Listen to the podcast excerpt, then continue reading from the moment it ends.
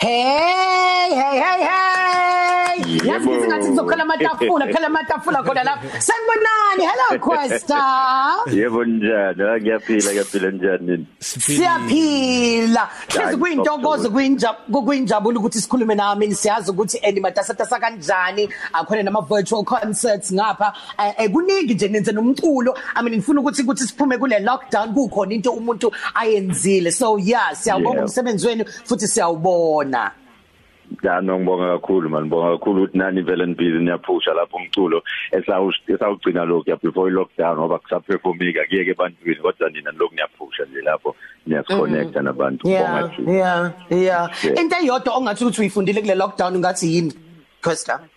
Um ukunganaki yazi ukunganaki into zangaphandle kakhulu because ngiconnecta nento zala endlini manje more than uh, more than any other time you know mm. uh, i think mm -hmm. mina nengane yami sesama best friend right now you know uh, so into yokunika umndeni isikhathi you know into into engi engiyibona ngathi into iyenye izinto ezibalekile bemhlambe bengazenzi kakhulu hmm. um ngicela hmm. indlela you know so i'm connecting more with the family and i've learned that that is an important thing you know ezinye izinto awuzibuzi uyayibonela wena self you know um and then you do just nje as as umculi as an artist ukuthi kubalekile ukuconnecta nabantu on social media and ukuthi social media yakho burana kanjani ibala manje because bonke abantu sebabheke yona lo ukuze ba connect with their favorite artists. So ukuthi uyiphathe kanjani uh, throughout nje the years of you being you yabaleka manje because abantu bagcwala khona you know.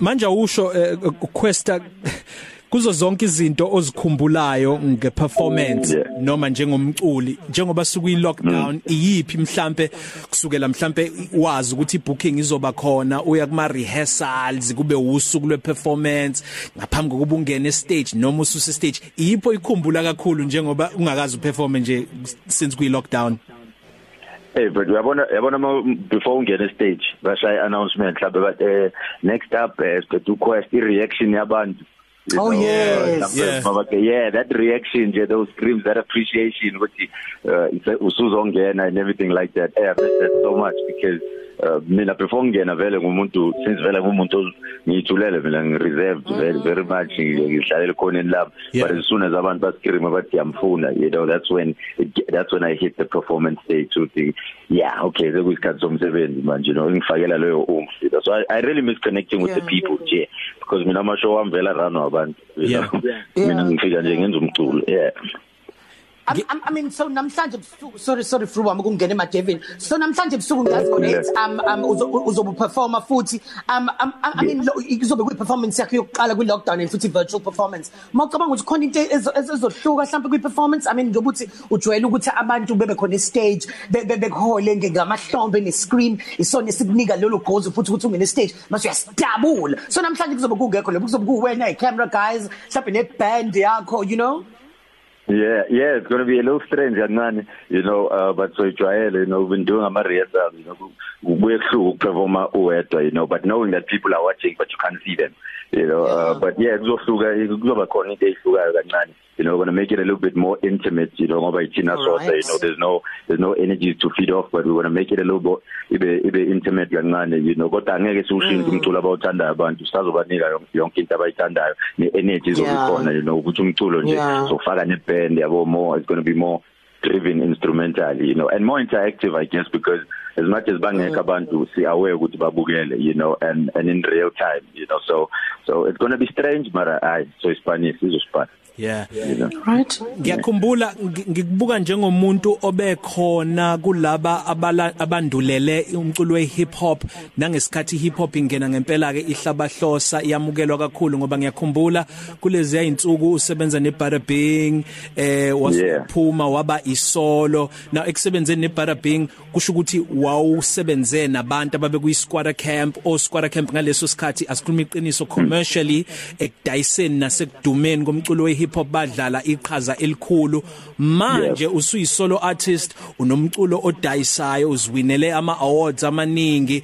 Kuthathani ngempela kokufunde kudala kulaba engithe bandulela hip hop nalaba manje abakhona abaziwayo nabadumile. Kuthathani ngempela ukuthi njengomculi we hip hop ube ne staying yeah. power kube iminyaka emingaka uloku ukhona futhi urelevant usinikeza into esithandayo ukuyijoba mfethu more than anything ukuyijoba nokuthanda nokuthanda into oyenzayo because into engayifunda kakhulu kusilika nosugar smacks ukuthi um there were big stars you know um kodwa ke because i knew them as human beings they were always human. Yabo bekuba abantu mhlawumbe makucisha TV noma mabaqedile ukuperform stage manje kumele baringe nawe you know baba abantu grand like like a normal human being they don't let the lights mhlawumbe abaxhophe you know noma ama isound babangela umsindo bagcine balose ingqondo you know so mm. uh, just loving what you do and making sure that you are here because you love what you do and not because you love that people love it you know because mm. abantu abanye abantu babuye bathanda ukuthi bayathanda lo bagcine bangasawuthanda umculo noma bangafocus ekwenzeni umculo ozothandwa abantu you know so mm. into engithathile le nendaba yokuvulelana iminyango yabo because ukuze ngisipane neparabing eh akusuka ukuthi phela usilika mhlambe i-cousin yami noma wazana nomalume wami mm. you know noma uSmack Fizo usazana kudala futhi banginika nje ithuba mina ngihambisa idemo uh, bayilalela banginika ithuba ngoba bezwe ukuthi umculo mhlambe ukulezi ngabalidingayo hayi ngoba isibongo siyafana noma ingani so bawuvula leyo mnyango belokhu bangangazi kanjalo bethembe nje le talent. So enye into nami engithathile kubona leyo more than anything ukuthi fanele siyisebenzise especially thina mhlambe njengoba ubususho we've been here for quite some time you know. Uh, khona abanye abasha abangenayo akudinge ukuthi thina mhlambe sivale sithi ayingisafuna ukuhlala mina la isikhathi eside. Nofanele sivule um italent entsha ingene nayo because then that's how we keep the whole legacy uh -huh. hip hop iphila. Mm-hmm. Yeah ngiyakuzwa ukuthi eh, yes ukuthi siqhubeke futhi sikhiphe i legacy ye hip hop nayo ukuthi iphila. So um rapper essay noma hip hop artist essay iqala nini ke manje yesu ibona ukuthi yazini? Sengenza imali uqala imali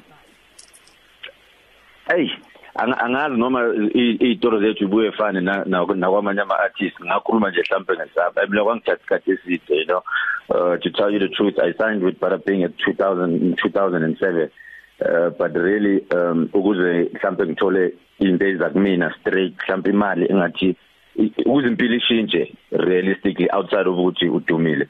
Uh, it took me uh, until about 2014 so that's about 7 years nje of, seven of years. just making sure ukuthi brand yeah it took me about 7 years until a certain point where ngakwazi nami ukwakha impilo you know ngakho umndeni mm. benomuzi you know it took me about 7 years to get to that point so uh, and a lot of the time ama ama artists athanda ukuthi ayifuna manje lento yabo ufuna ukuthi mangangena nje kusakubiza ugama lami ufuna ukwakha umuzi ufuna nawo kanti into yakhayo le like any other job yakha mm. noma if if unespan yaspan uspan uspan upromote uye kwenye position. Uspan uspan yeah, promote ngokuyimisela nakumculo kunjalo. You know consistency ube busy lokusebenza uthande lento yenzayo ungafili ngathi umsebenzi. And then eventually uh ukukhululeka mhlambe no nemali nento enjalo iyafika but after umsebenzi. So me it took me 7 years straight before ngithi nje okay ngathi khona ukukhona. Kushuthi ngempela kumele uthole iPhD ube udokotela ngokugcwele kuyima kahle kahle yabo approach i-approach fanibe kanjalo. Ukuthi abantu bayi approach ngenye indlela bayitshela ukuthi ungena namhlanje bese class usu right fanele bayi approach ngayo le ndlela i-PhD lokhuluma ngayo. Nice. Asibambe lapho fru kancane ngenxa ukuthi kumele siye kwezemidlalo quest. Ngicabanga ukuthi nixoxe no producer ukuthi soba nezingcenye ezimbili zenkulumo yethu. Siyabonga kakhulu ukuthi uvuma ukubamba. Soya nje kwezemidlalo sibuye futhi sixoxe nawe. Ngicabanga ukuthi nomlaleli esabhala ku Twitter zikhona izinto angafisa ukuzibuza kuwena. Yebo ngisakhona. Ngifela ukuthi ngiyakuthanda. Kube kuyangaba umsazeni Khosi FM bathi ngiyazifela Eh uyile romantic ngempela oyiyona in real life noma nje into into nje yaseyingomeni Questa Hey washo wabuze yenye ke manje. Um angifuni ukuqamba manga lo mfethu. Eh ngiromantic la emculweni kuphela. Ngeke ngishuthi futhi konke lokho engingakwenza physically konke lokho engingakwenza eh mhlawumbe ngokungezenzo ngibuye ngifake emculweni nje kakhulu you know. But every now and then I mean kuyenzeka mina I'm not I'm not bad. on a scale of 1 to 10 mhlawumbe ngangibeka la ku ku 5 ku 5 5 out of 10 romantically? Hayi khethile khethile babes.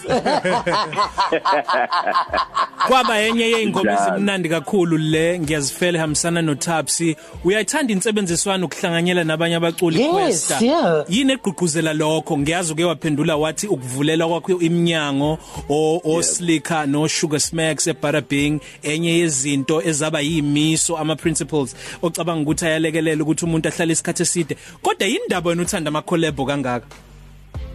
Ngiyathanda yazi bethu ukusebenza namanye ama-artists because kuningi ngibuye ngikufunde you know just nje from from ukuba se-studio you know from nangokuthi umuntu umuntu onjani you know ukuthi sihlale before senza nengoma makusahleli mhlawumbe sixoxe nje you know all of those things end up uh, zibaluleke engomeni you know. I think i think as a artist vele uh, my biggest inspiration ngidrawa ebantwini you know um engisebenze nabo nabantu engibamithayo nani nani. So kuyangisiza kwasamina noma sengi- sengenza into zami ngedwa ukuthi ngicollaborate because I, I take a lot from all the artists mm. you know, and and hopefully give out a lot too. So uh, it's to improve myself ukuze expose entweni eziningi ezihlukile engayijwayelanga you know nokuyi challenge i think just keeps me on my toes.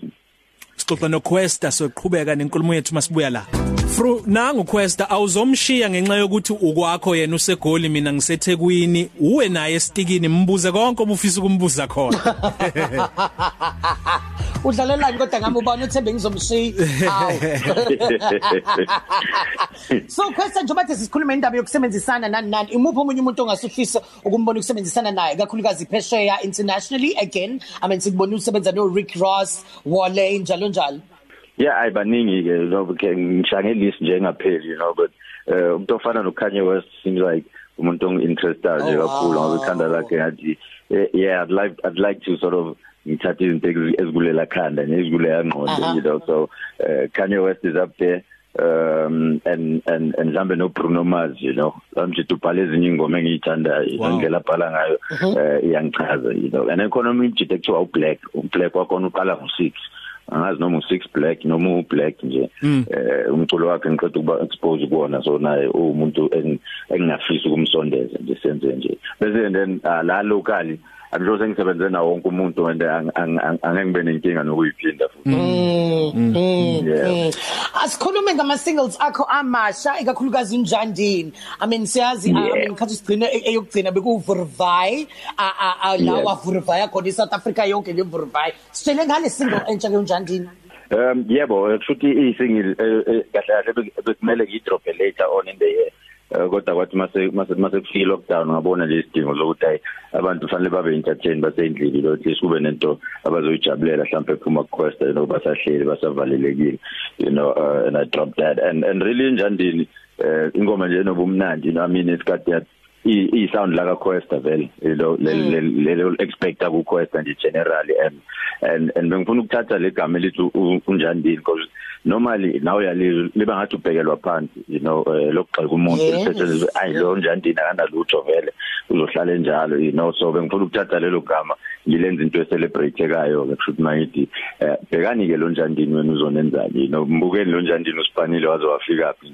Yena lo benithi unjani you know eh, ubuye wenza kanjani so ukuthatha lezo zinto ngiyiguqule ngizenze into ezipositive same thing engayenza mhlambe nange nange nangengudu munga mungathi uyacabangisisa grand grand ngoba ingudu wakuthiwa hawo hayi wena mawuphuza ingudu hayi kuyabheda ngawe futhi futhi life yakho ingenye indlela i- i- kwesinye isimo instead of Yeah. ukuthi ngoba uphuza champagne ngoba in in so ngayithatha lento ngathi hayi vele ngiphuza yona kodwa ke ngizoyifaka futhi ngingayishintshi ngoba mhlawumbe abantu ba expected this and that from mina kanti mina ngumuntu onje so nakhona manje ngiyasho ukuthi vele sonke nesibaningi I'm sure sikhule sibizwa ngabo njandini noma ngamanye amagama mina same thing ukuthi hayi angeke uye ndawo vele wena uhleli uhleli la uyifail pop usikhotheni nento enjalo you know. So ukuthatha lelo gama ngilenze nje into positive nento abantu abangajiva ngayo you know.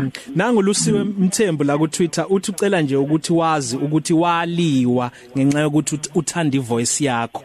Shuthi kwaphela relationship hayi bothule hayi bolanda umuntu wakho wapha mina ngithi uyazi Ngif- ngifuna uku- ngifuna ukuze kutheni Questa akupha amandla akho njenge artist i strength sakho. Sikuyi voice sikuma collaborations njengoba siqeda ukukhuluma ngawo sikuma bars sikuyi instrument catch Yeah. controversy besikhuluma no AKA ngesonto ledlule uyazazi ukuthi strength sakho sikuphi okuwukuthi ke ila uvela ukhwezele khona kakhulu. Noma mhlambe ukuhlanganise ingcube evanga yezinto eziningi? Yeah, kushuthi kubuye kuhlangane uh, okuningi. Uh, but I think most of all u- u- i relatability lokuthi um abantu I think bafila ngathi ngathi ngile type artist ongathi uzoyibona nje uma uphuma uthi uyeshop uyothenga isinko you know um ngumuntu nje ongazange mhlawumbe athathe i limelight Guy- guy from next door. phambili before. Yeah, why you know, so I think I'm just relatable ngumngane ngum- ngumuntu wase next door, you know, and I think also vele that includes ama bars, you know, istory engikhuluma ngazo izinto ezaziwayo abantu, you know, ngizama confuse abantu ngokuthi mhlambe ngazi kangcono ngixoxa ngazo lezo zinto esizazi sonke, you know, and I think people can relate to that because istory zethu and sibaningi, you know, baningi oquesta le ukuthi mhlambe bona benza umculo kodwa indlela esikhule ngayo ibuye ifane and ngiyayifaka ke emculweni angiyifihle. You know. Bele sivalelise fru eh mhlambe nje ngizofunda laba abambalwa ababhalile ngaphambi kokuthi kube khona okushoyo. uBexin eh uBexin uthi mina ngihlala lana ekasi lakho Questa eK1 kodwa akaze nje ngikubonde akaze ngikubone kanti uzifihlaphi brazo Hayi bo hey ngiyafika ke lokuzina hayi lo angazi ube usuka kuphi ke. Angisu abangisweli nje mina lapha ekhoko yeah okugcina mhlawumbe kwamanje True Love esikhawini uthi wakubona ufake ujersey number 11 kaSkara Ngobese usiyabuza ukuthi ngabe usupport iKaizer yini la eMzansi? Angikhosi impela ke mina mfethu. Ngiyinkosi ngiyinkosi straight and i reason yalokho en- iningi yalo uyena uskara ngoba ukhula khona la ngikhula khona nami sabona yena kuqala enza lezi zinto sathi hayi nathi siyafisa no so salandela into ezazenza uyena. So yeah kodwa ngikhosi nje ukuphendula. Nice one siyavalelisa. Fru valelisa Questa Siyabonga kakhulu Questa sikuthanda ngendlela esimangaliso sizokubona namhlanje ebusuku at 8 pm ah siyakuthanda awuzwe siyakuthanda siyakuthanda ngiyabonga ke nami ngibonga abalaleli ngibonga wonke umuntu njandini two skates yazi sobonana ngo 8 Ziya iyona ngoma esiphuma ngayo Izwele. le ethi njandini sibonga kakhulu bhuti awuzwe ke kubonga mina I do, I do, my darling. Two by two swamba. Positive Cafe. Ilunch yakho ayifani neyizolo.